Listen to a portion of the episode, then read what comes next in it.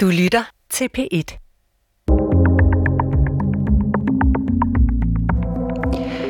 Hvad med kærligheden? Hvor bliver den af, når livets trummerum kræver sit, og vi glemmer at lytte til hinanden? Vi får kærlighed fra Gud, men hvad sker der, når vi far vild, og når vi som samfund forsøger at systematisere os til et samspil? Kan ægte kærlighed forløses gennem musik og den kunst, det er at spille sammen? Vi undersøger kærligheden som dyd og det dybe nærvær mellem mennesker i denne udgave af Tidsånd, programmet, der taler troen ind i verden og verden ind i troen. Mit navn er Paula Lerein. Velkommen til.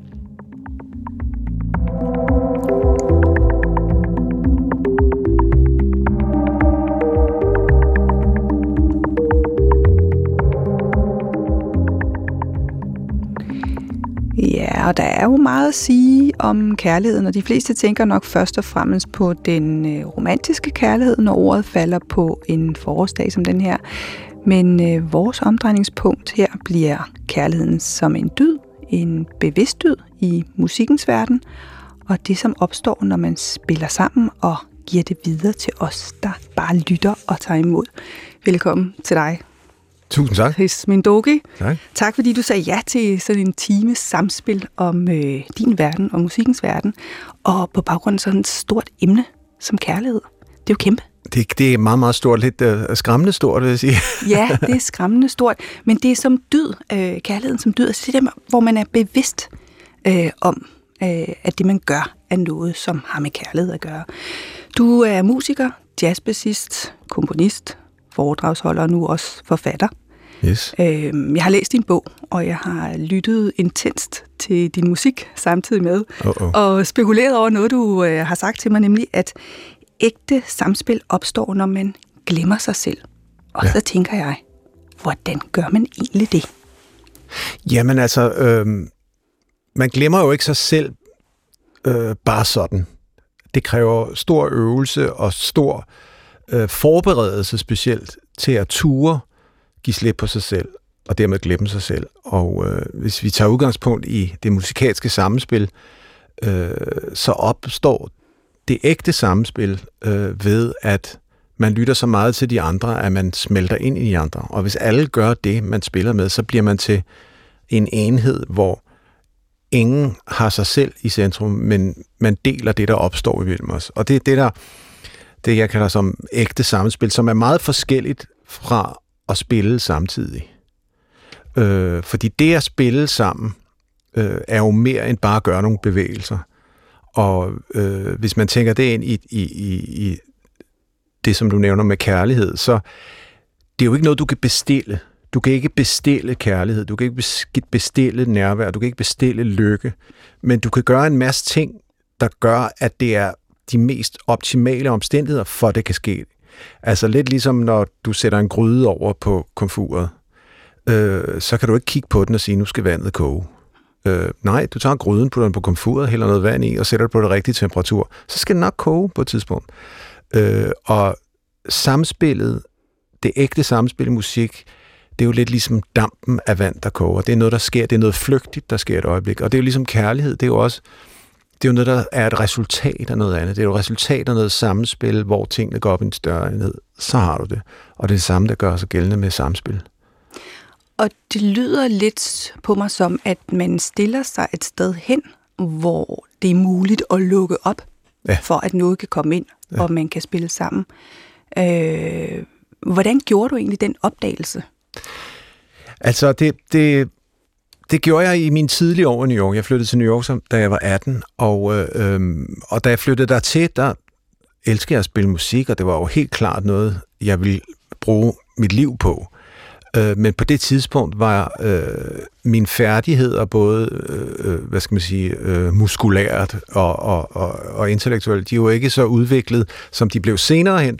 Øh, så når jeg spillede sammen med mine venner for eksempel, så havde vi alle sammen den her oplevelse, at når øh, vi spillede, så var det, for eksempel hvis det var i mit eget tilfælde, så var det mit nummer. Jeg spillede på min bas. Øh, det var mit orkester. Øh, det var mit arrangement. Det var min tanke. Øh, og så det blev meget sådan, hvad jeg ville, og hvad jeg kunne, og hvad jeg forstod.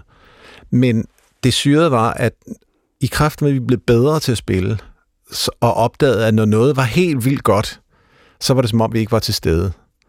Øh, og det kunne jeg ikke få til at hænge sammen, fordi øh, jamen altså, hvis det er allerbedst, når jeg ikke føler, at jeg er til stede, så har det jo ikke noget med mig at gøre. Og det tog lang tid for mig ligesom at, at, at finde ud af, øh, og jeg, det er jo absolut ikke den eneste, der har fundet ud af, men altså, vi skal jo alle sammen igennem opdagelsesprocessen. Men jeg fandt simpelthen ud af, at, at jo jo, det kan godt være, at musik, der kommer noget bas igennem mine fingre, men den fede musik opstår, når jeg ikke er i vejen. Øh, men det kræver jo noget ikke at være i vejen. Men hvad vil det sige, det der med at komme i vejen? Det er jo dig, der spiller. Det er dine øh, fingre, og det er øh, det, du finder på, og den træning, du har bag dig.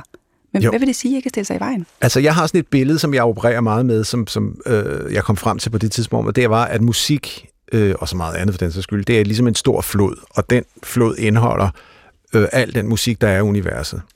Øh, og hvis jeg gerne vil have, at musik skal komme ud igennem mig, så bliver jeg jo nødt til at stille mig hen, hvor den flod er. Og øh, hvis man stiller sig ud i en flod, som indeholder al musik i universet, så er det en meget bred og meget dyb flod med en stærk strøm. Og hvis du bare stiller dig ud i sådan en flod, så bliver du væltet omkuld, og så drukner du, og så kommer der ikke noget ud af det. Mm. Men hvis du skal blive stående i den flod, så bliver du nødt til at finde en måde, hvor du yder mindst mulig modstand. Finde ud af, skal jeg stå på siden, eller skal, du ved, hvordan skal jeg stå, sådan, så strøm kan komme forbi mig, sådan, så jeg ikke bliver væltet omkuld. Øh, og nu begynder det selvfølgelig at lyde lidt yoga måtteagtigt men det er altså, ikke noget i det her program. men det er faktisk rimelig øh, svisken på disken-agtigt, fordi altså, hvis vi tager musik for eksempel, det første, jeg skal gøre, når jeg stiller mod den flod, det skal, jeg skal sørge for, at min teknik, mine muskler, min, min, min smidighed, hele tiden er så øh, god, som jeg kan gøre den hele tiden.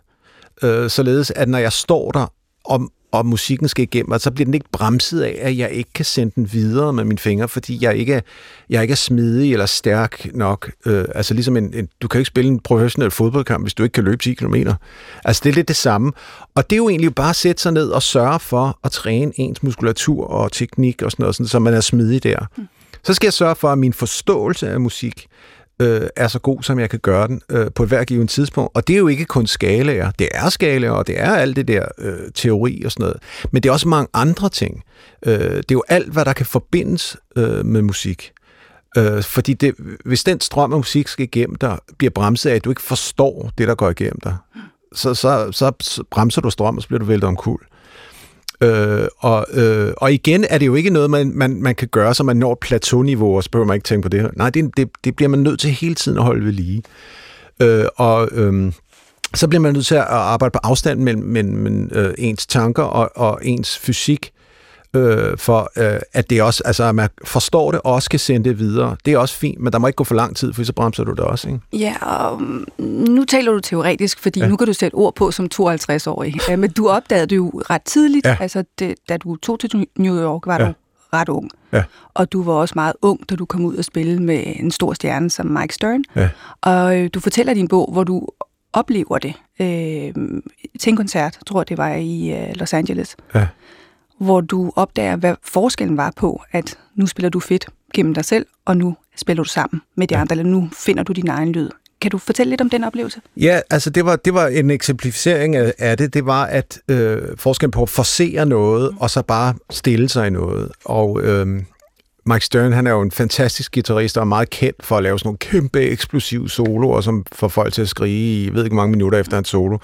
Og det var så min første koncert i Los Angeles, og ganske rigtigt, han spillede sin solo, som altså kunne ende verden nærmest. Og så klappede de lang tid om det, og så døde klapsalverne ud, og så blev det stille, for så er det min tur. Uh. Og så tænker jeg, oh shit. du uh, tænkte, ja. ja. Og det første, jeg tænkte, det var, jeg skal fylde det bombekrater ud, han lige har lavet der. Mm. Så jeg begyndte at prøve at spille alt det, han gjorde, spille en masse toner, spille en masse ting, bare sådan fylde hullet ud hurtigt. Mm. Og det rørte ikke nogen, og publikum kan jo også se, de kiggede, hvad sker der der, og sådan noget. Ikke? Øhm, og det, det fandt jeg så ud af, at, øh, altså, det, det gik jo ikke. Altså, jeg prøvede at forse og forestille mig, hvad skal der til?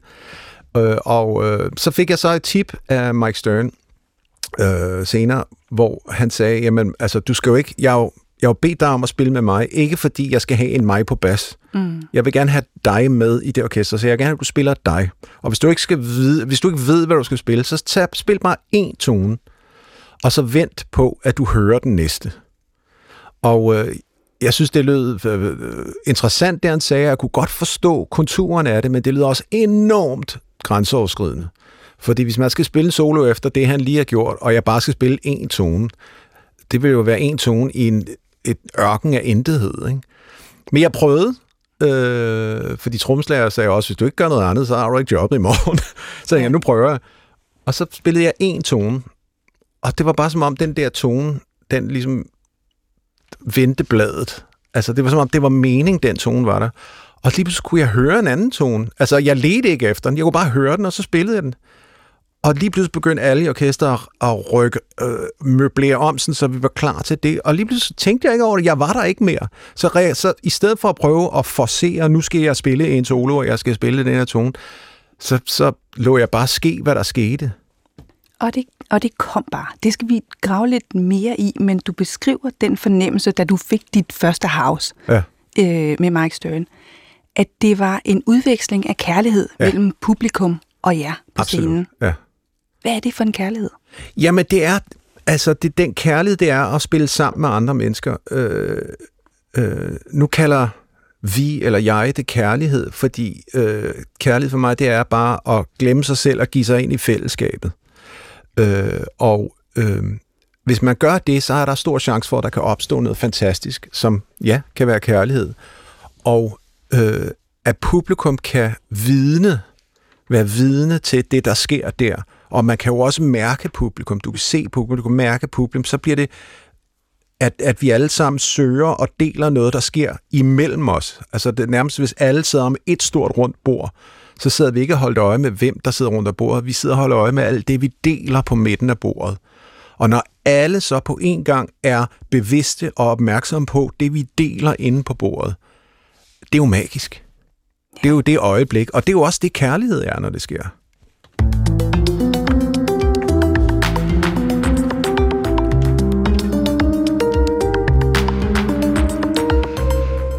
Ja, for nu er vi i gang med tidsånd på P1, og vi taler om kærligheden som dyd.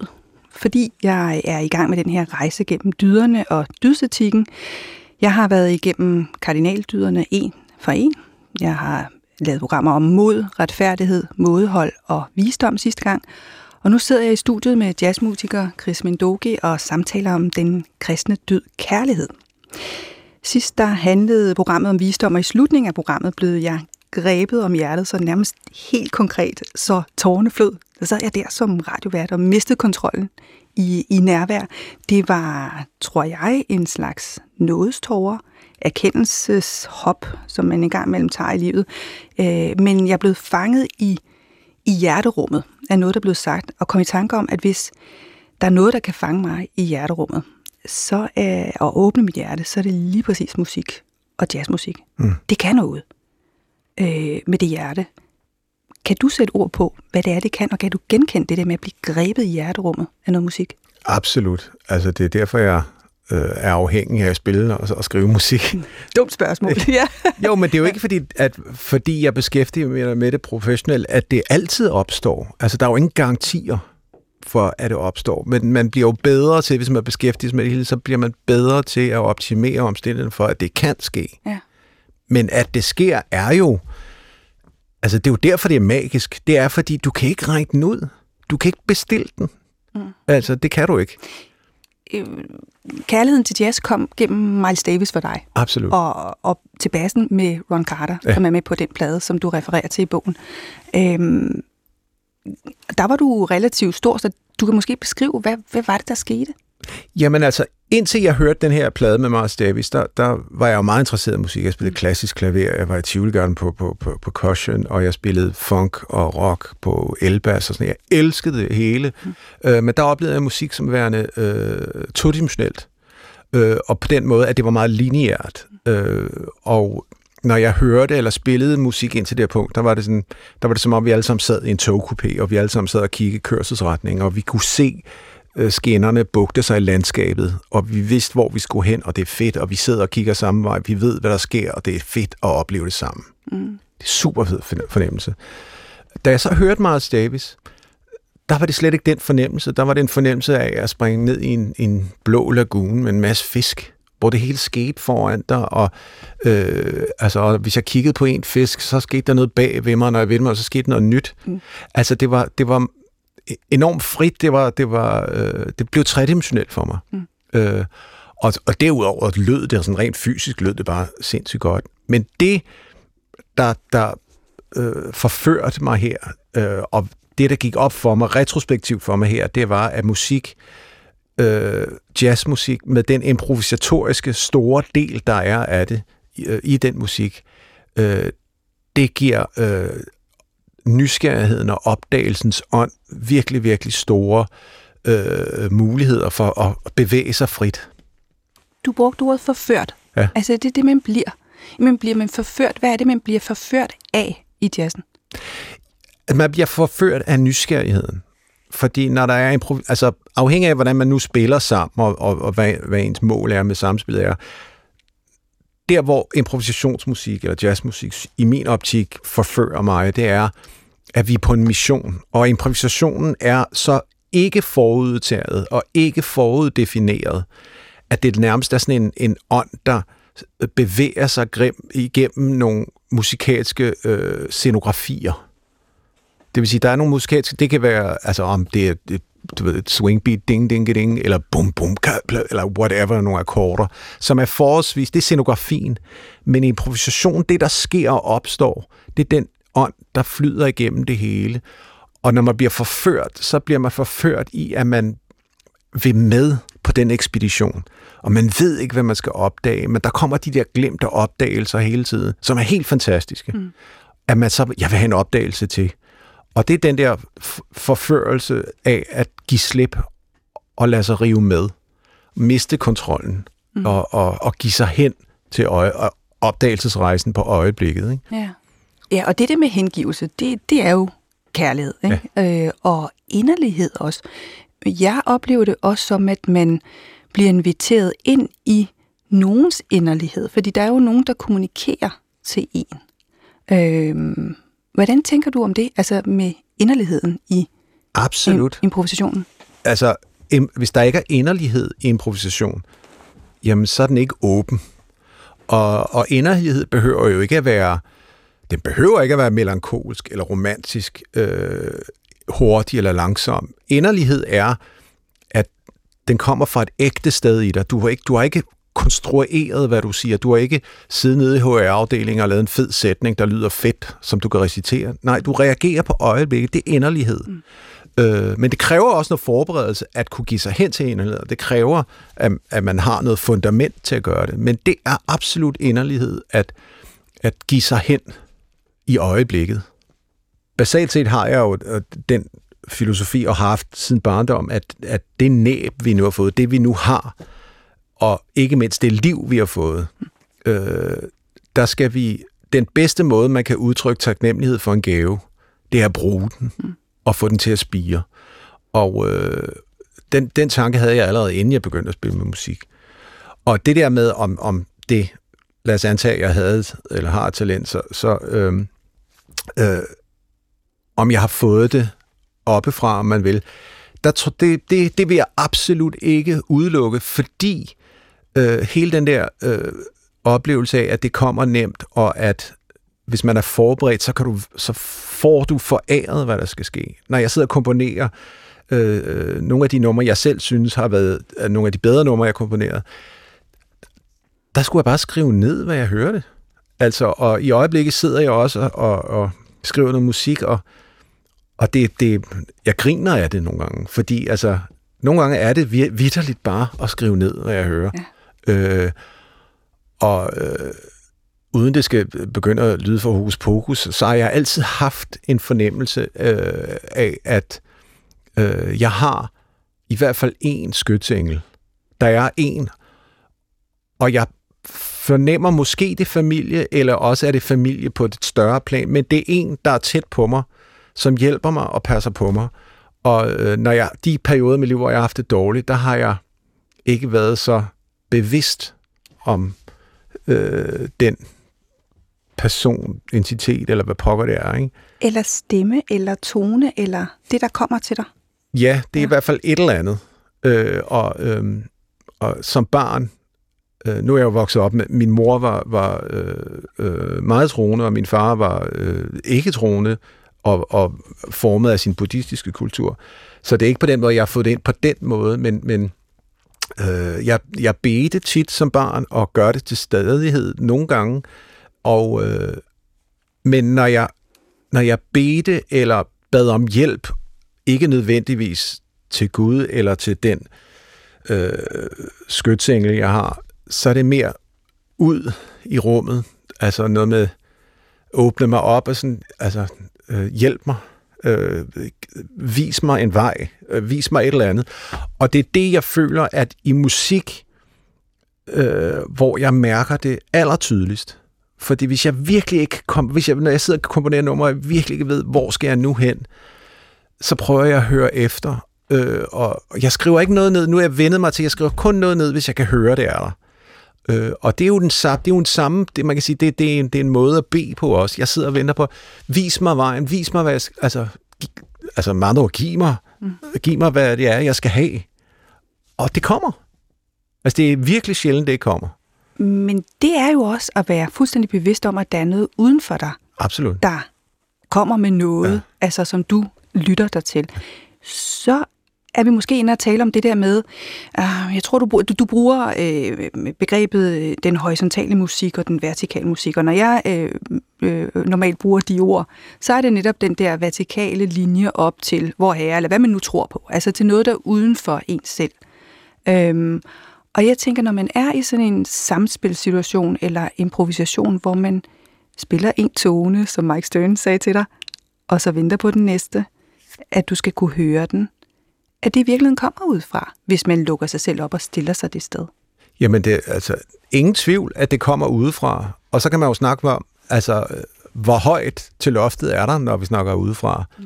Og der tror jeg igen ikke, der er øh, en konstant definition af det. Jeg tror, det kan veksle fra øjeblik til øjeblik. Men, men helt sikkert, altså også som jeg også snakker i bogen op, det er, når man, når man spiller, har samspil, der er lineært, så er øh, målet med samspil, det er at komme fra A til B. Det vil sige udfylde øh, et afgangspunkt og et, og et målpunkt over en vis tidsrække. Men hvis der er noget, vi ved som mennesker, som måske er det sikreste her på jorden, det er, at vi bliver født, og vi dør. Mm. Øh, og hvis det er den eneste mission er, at vi bare skal vente på at dø, så får man sgu ikke skide ud af tiden. Vel? Mm.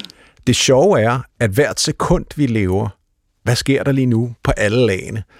Og så synes jeg, det er sjovere, især i at spille i samspil, men i det hele taget, at prøve at, at gøre sig forberedt til, så man kan opleve så meget som muligt i de lag, der er opad.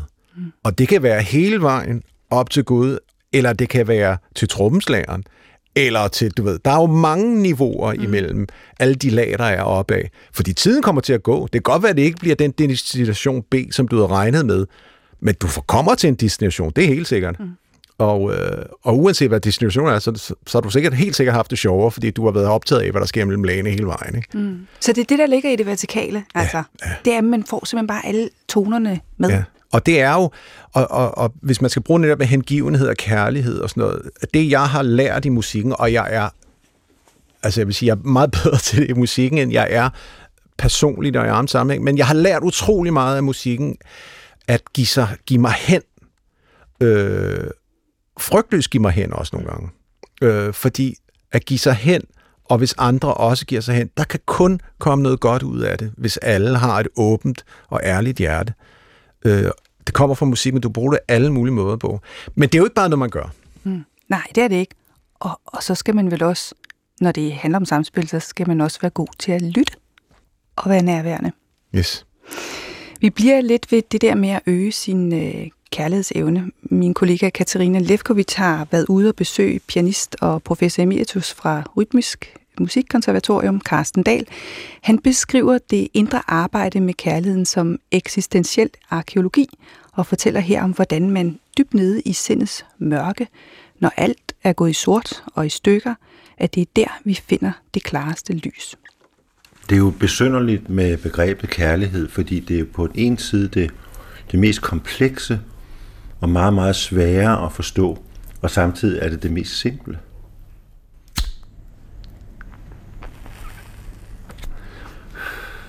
Altså, jeg er faktisk ikke så sikker på, at jeg ved så meget om det. fordi man skal ikke vide meget om kærlighed. Man skal være det. Og øh, jeg har en masse forudsætninger i mig for ikke at være det. Øh, jeg har nok en, en grundkilde, som gerne vil være det, øh, som er gudsbornt. Altså det vil sige, det billede, der er blevet gjort af os alle sammen som Guds børn, der er vi jo ren kærlighed. Hvad der så sker sidenhen, er noget værre rod, ikke? Øhm, men for mig er kærlighed måske det ubetingede anlæggende. Altså, øh, at Gud elsker os præcis som vi er, fordi vi er Guds børn, det er et ubetinget anlæggende. Det, som er problematisk i det, det er, at vi selv gør det så betinget. Også over for os selv. Ja. Og når vi er meget betinget øh, i vores forståelse af, hvad, øh, hvem vi er, så fjerner vi os fra det ubetinget anlæggende, at vi er elsket præcis som vi er. Vi bruger meget af vores tid på at være alt muligt andet, end det vi egentlig er.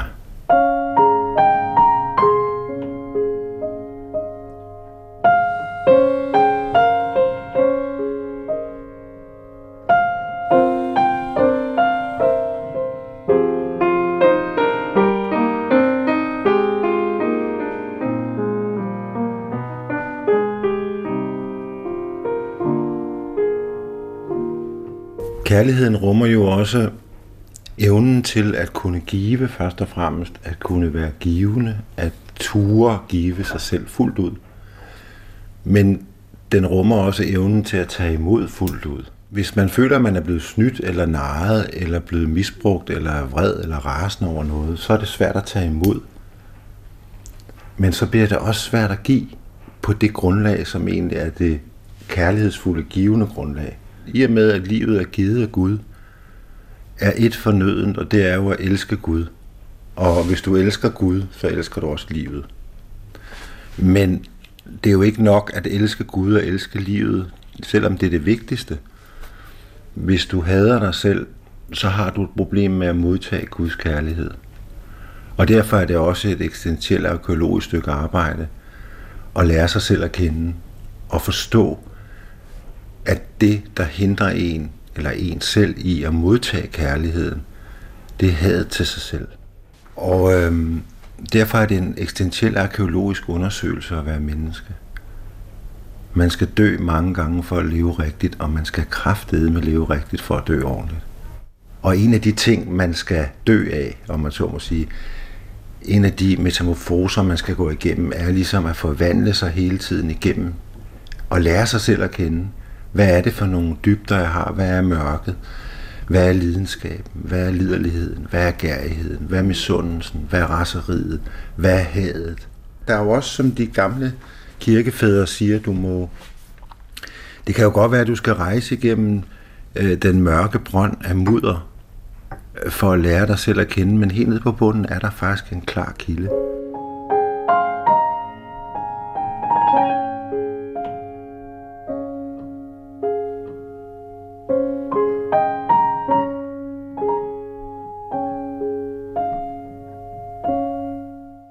Så bliver det jo meget rodet, når vi så er i relation, og der er forventninger, og der er krav, og der er narcissistiske svigt, og der er sorg, og der er, forladthed og så videre, som bringer os ud af kurs. Og der, og der er det jo, at man som menneske, når man bliver ældre, får et behov for at vende hjem igen. Altså gå ind i det religiøse stadie og sige, øh, du må hjælpe mig med at bære alt det roderi. Du må hjælpe mig med at rydde op i de her kasser. Fordi jeg kan ikke navigere i det lige nu. Mm. Det er blevet for mørkt at være et menneske. Ja. Og der er dåben jo til stede hele tiden. Ja. Og dermed nåden. Så kærligheden eller eksistensens kraft, ilden, den lille bitte gnist, jeg har fået, af den uendelige ild, som vi alle har en gnist af, den folder sig ud som et udtryk, hvor andre mennesker forhåbentlig kan spejle sig i det, jeg laver, eller stå foran det, eller lytte til det, og opleve noget universelt, og ikke bare noget privat. Så det er på den måde, jeg vil beskrive, at den der skabende kraft er, er i virkeligheden bare, eller ikke bare, det er en lille knist, som jeg har fået, som jeg udvider til en atomar øh, eksplosion øh, i mit lille univers. Øh, men det er stadigvæk noget, jeg låner. Mm. Det, er ikke, det er ikke mig. Øh, det er Gud alene æren, som der står i Bachs noder.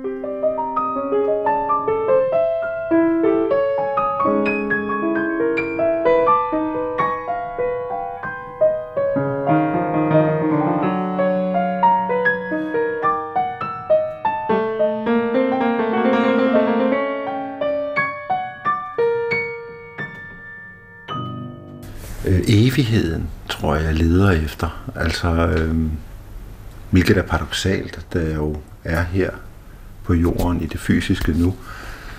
Men jeg er meget optaget af, af evigheden. Øh, jeg, jeg oplever livet som en noget, jeg har fået i gave, øh, og som har været virkelig vanskeligt at være i for mig. Men det er først og fremmest en gave, jeg har fået, som jeg låner Altså, livet er ikke en selvfølge på den måde. Men det er en fantastisk smuk verden, og, og, og, og jeg skal nive mig selv i armen hver dag og ligesom sige, du er her. Mm. Øh, men jeg er jo helt sikker på, at der er en evighed og noget, der er på den anden side. Øh, det er et lysglemt at være her. Det er kun tre sekunder langt. Så hvis vi betragter kærligheden som en evne, vokser den? Ja, det synes jeg, den gør. Det synes jeg, den gør øh, den vokser ved, at du forsoner dig mere og mere med dig selv over det, du har svært ved at forsone dig med, og når du gør det, så udvider du dit indre rum og giver plads til kærlighed, fordi du kan kun udvide dit indre rum i kærlighed, hvis du forsoner dig med dig selv. Med alderen bliver man mere og mere opmærksom på, at det har været der hele tiden, men man har ikke kunnet åbne sig for det ja. af forskellige grunde. Hvis man er blevet hvis man er blevet mødt af noget i sin barndom, der gør, at man ikke, ikke kan lukke kærligheden ind, så kan det være noget af en rejse. Mm. Og, og måske kan man ikke klare det helt ved menneskers hjælp, men må have Gud til at være med til at bære byrden.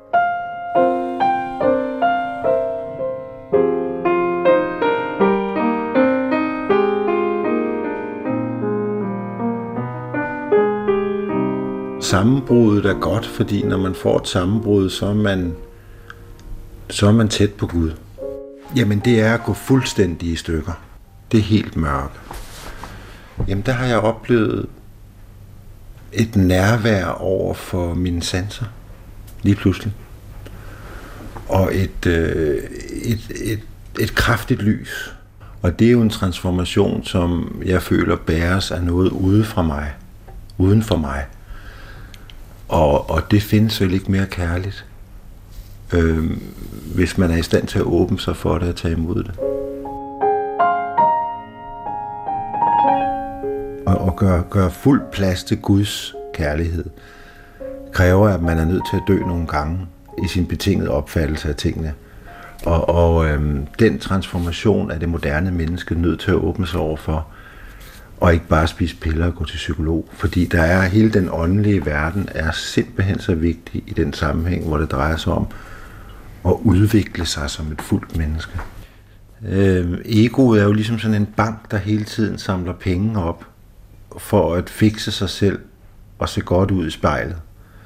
Øh, Gud han slår det spejl i stykker og vil gerne se dig som du er. Og når dit ego det falmer, øh, så falmer også din, dit eget forhold til alle de der for eksempel følelser som passion og lidenskab. Hvad er det, der driver dine behov? Hvad er det, der driver, at du er rasende og vil øh, eje noget, eller gøre noget, eller fylde din karriere ud? Hvad, hvad er det egentlig, der driver dig? Og øh, de mål, de blegner på en eller anden måde i det glasblindrende spejl. Øh, og der opstår et andet mål, der handler om at blive det billede, som Gud har gjort sig af dig.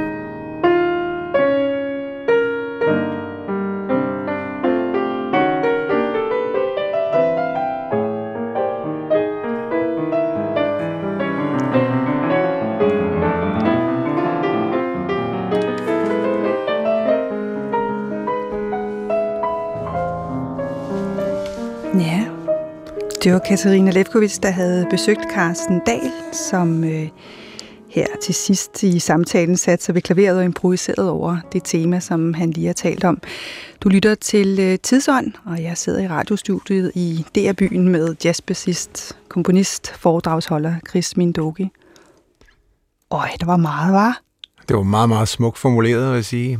Men og jeg var også... Ikke? Ja, mund ikke. Altså, ja. jeg, jeg kunne jo genkende alt, øh, hvad han siger, øh, udtrykt på en anden måde. Ja. Men det er også det der med, at, at det alt sammen øh, ligger uden for os selv. Mm. Og, og, og, og, og også det der, som, som han taler om, som, som jeg også taler om i min bog, er, at, øh, at det er der alt sammen, og vi i virkeligheden øh, bare er det, som jeg bruger, det billede, jeg bruger, det er som vi er sådan nogle små lysfiltre, mm. der går op foran lyset, som altid vil være der. Og det bedste, vi kan gøre, det er at farve det lys, som er der, og så folk kan få noget ud af det.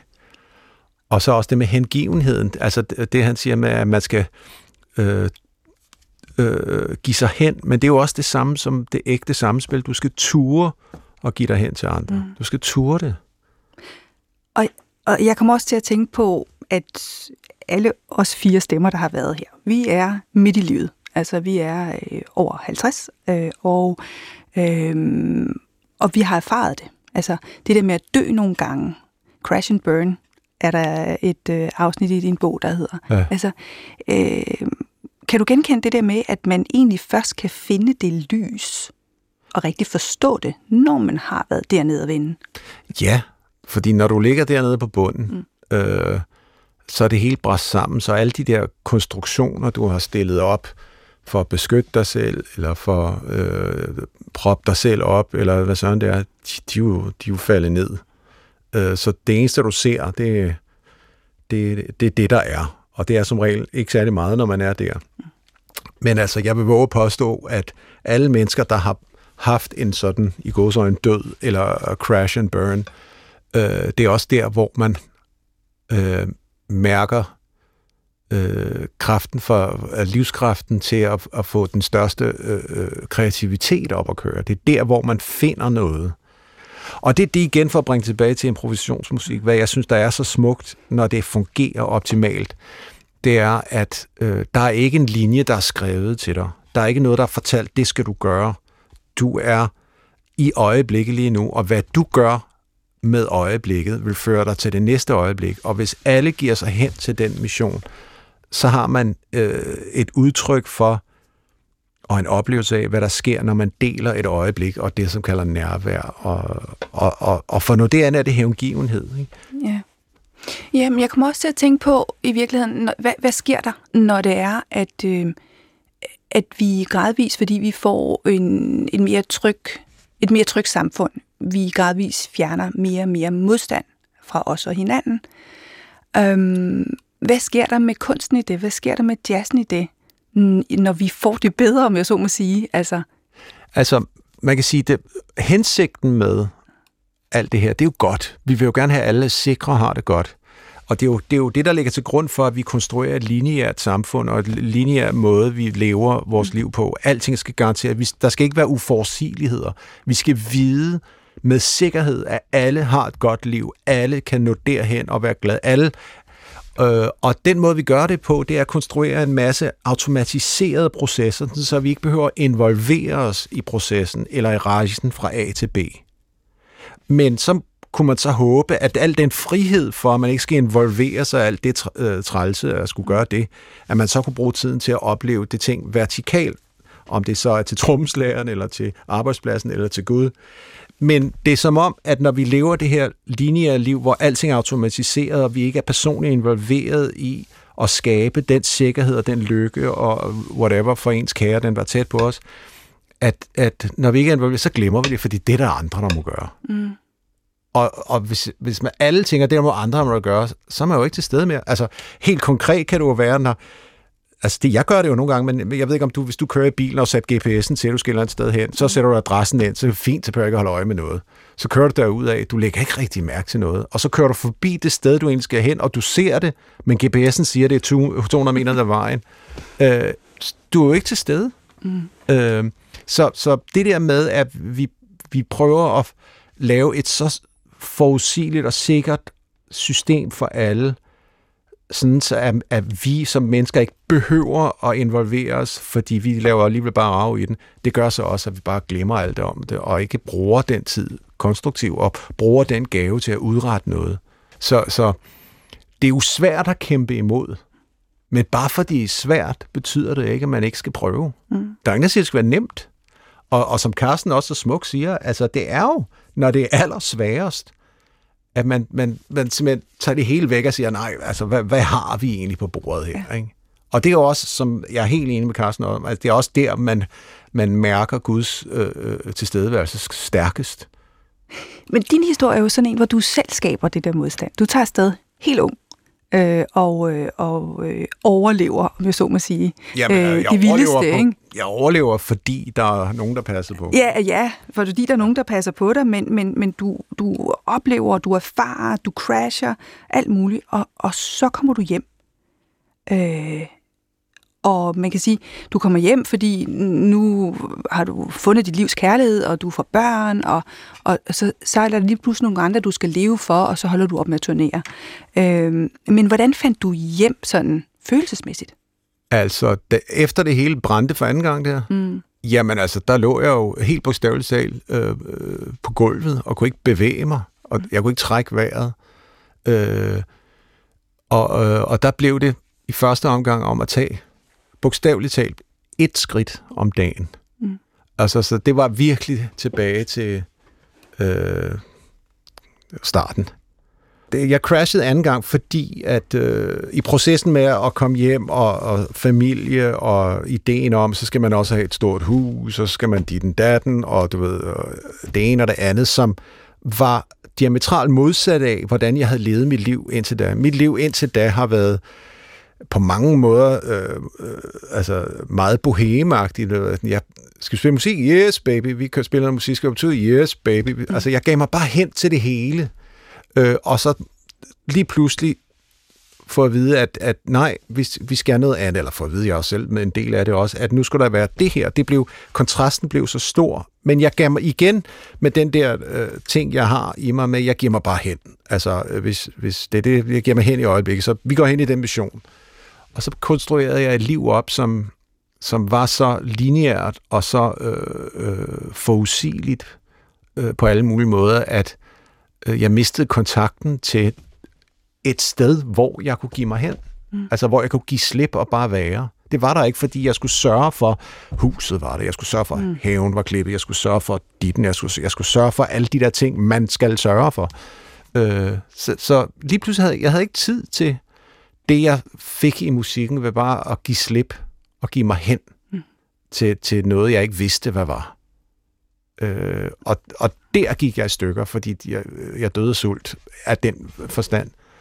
Og øh, det blev jeg meget bevidst om meget hurtigt, da jeg lå og rallede på gulvet der, for, jeg kiggede rundt omkring og tænkte, jeg, jeg er ikke til stede i noget af det her. Altså, det var som om, jeg levede en film. Og sådan noget. Hvad kan jeg, hvordan kan jeg komme til? Og helt bevidst, ligesom jeg gjorde første gang med Crashet, for langt stor kort, jeg mm. var begyndt at spille store sådan rock-ting, så gik jeg dengang tilbage til at spille musik, jeg virkelig brændte for. Øh, så her begyndte jeg også, okay, hvad er det, jeg virkelig elsker? Jamen altså, det er at spille musik, og der begyndte jeg at blive bevidst omkring de der, de der mekanismer i, i, hvordan jeg giver mig hen til musik, hvordan jeg lader øh, det, der allerede er der, flyde igennem mig, uden at stå i vejen, og hvordan alle de mekanismer, der er for at åbne mit hjerte og, og, og lade det, lad, lad, altså for, for nu når vi er i det her program, mm. kan tør godt sige det, men altså at, at lade, lade Guds lys, som er der super stærkt, hvis vi bare lader det skinne. Og jeg havde konstrueret så mange ting, at, at der var for meget skygge. Og nogle gange skal det hele bare bræsse sammen, så der kommer hul i taget, så man, hov, no, ja, yeah, alright.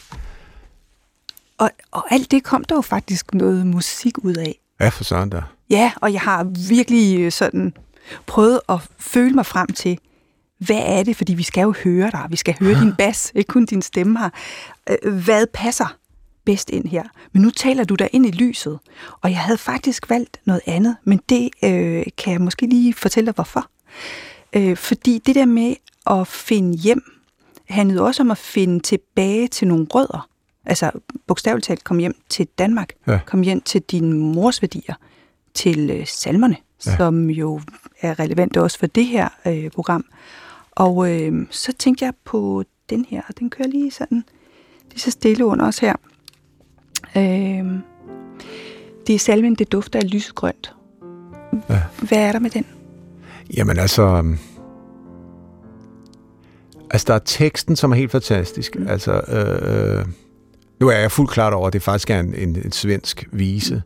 Øh, men med den danske tekst, jeg har altid elsket den tekst, og der musikalsk, øh, man kan bare mærke, at den er vokset ud af den jord, vi har her. Mm. Øh, den taler bare, den taler bare, altid talt til mig så meget, den sang her. Mm. Og der er så meget plads til, øh, at man kan give sig hen i, i, i pladsen mellem tonerne i melodien.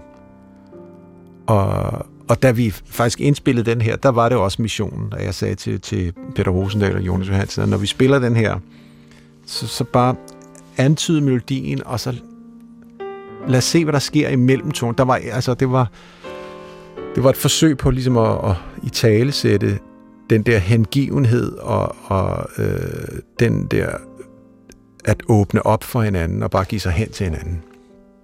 Ja, lad os høre.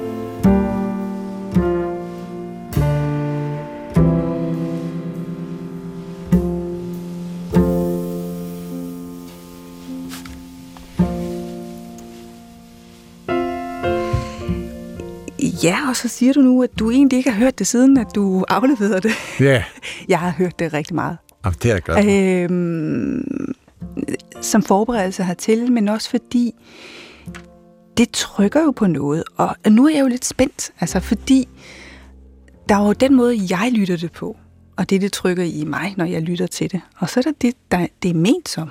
Altså, fordi jeg hører en, en vemodighed i øh, pauseringerne, i øh, den måde, du udtrykker dig på på det tidspunkt. Ja. Er det rigtig læst, eller er det bare Ja. mig? Altså, det var en periode, jeg var meget vemodig og meget melankolsk. Øh, jeg var ikke opgivende, fordi på det her tidspunkt, der havde jeg ligesom... Der var der kommet hul i taget, sådan, så jeg kunne mærke Guds lys, mm. Var der, ikke? Men, men øhm,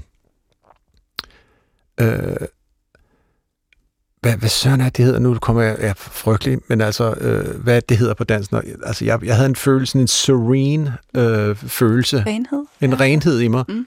hvor jeg havde ikke behov for noget. Og det var nærmest Eller klarhed er det. ja, klarhed, Mm. ja. Øh, og oversat med musikken, men også i alt, hvad jeg foretog mig i den periode også, det var bare, jamen, jeg spiller en tone, og så er det virkelig ikke den, der er vigtig. Det er, det er pausen, der er vigtig, hen til næste tone. Mm. Øhm, og når jeg hører, sidder og hører det nu, der kan, der kan jeg, altså det får mig til at mærke den følelse, jeg havde dengang, om at det var, ja, i mangler bedre, så var det, det var øh, øh, mellemrummet mellem tonerne, jeg dyrkede allermest på det her tidspunkt, end det var tonerne selv. Dermed ikke, at tonerne var ligegyldige, fordi det giver jo meget større vigtighed for tonen, at ikke nødvendigvis hvilken tone, men at jeg mente den tone. Mm. Når jeg spiller, så mener jeg den. Men det allervigtigste er mellemrummet til den næste.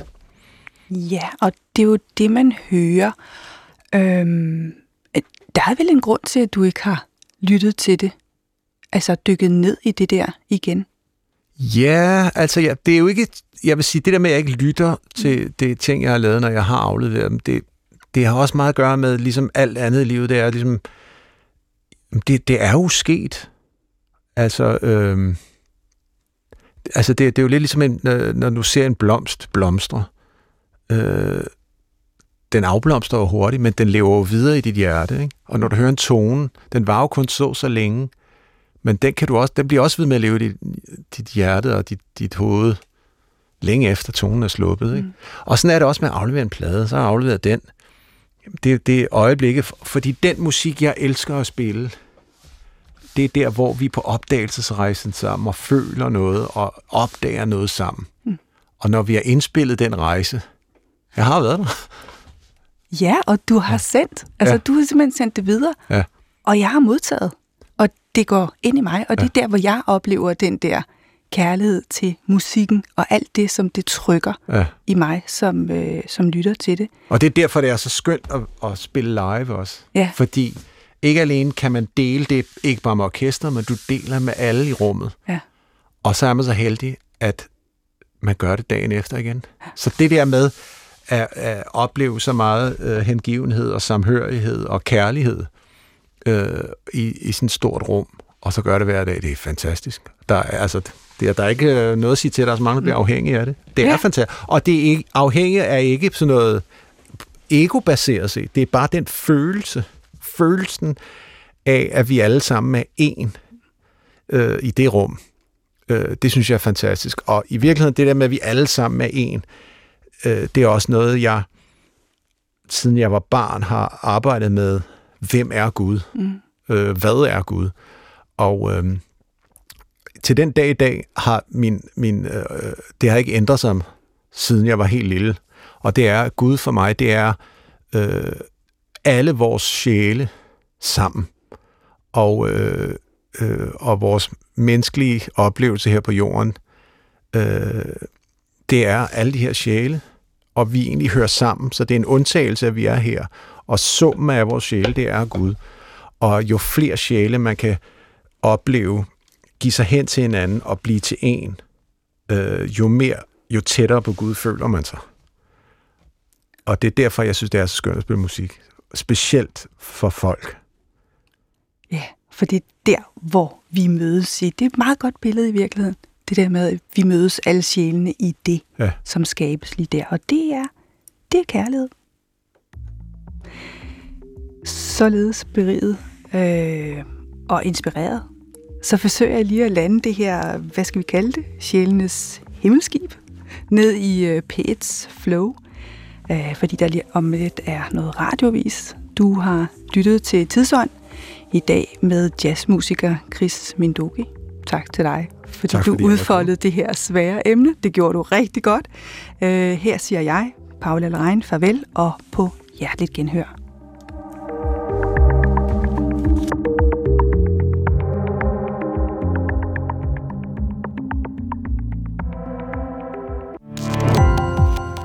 Gå på opdagelse i alle DR's podcast og radioprogrammer. I appen DR Lyd.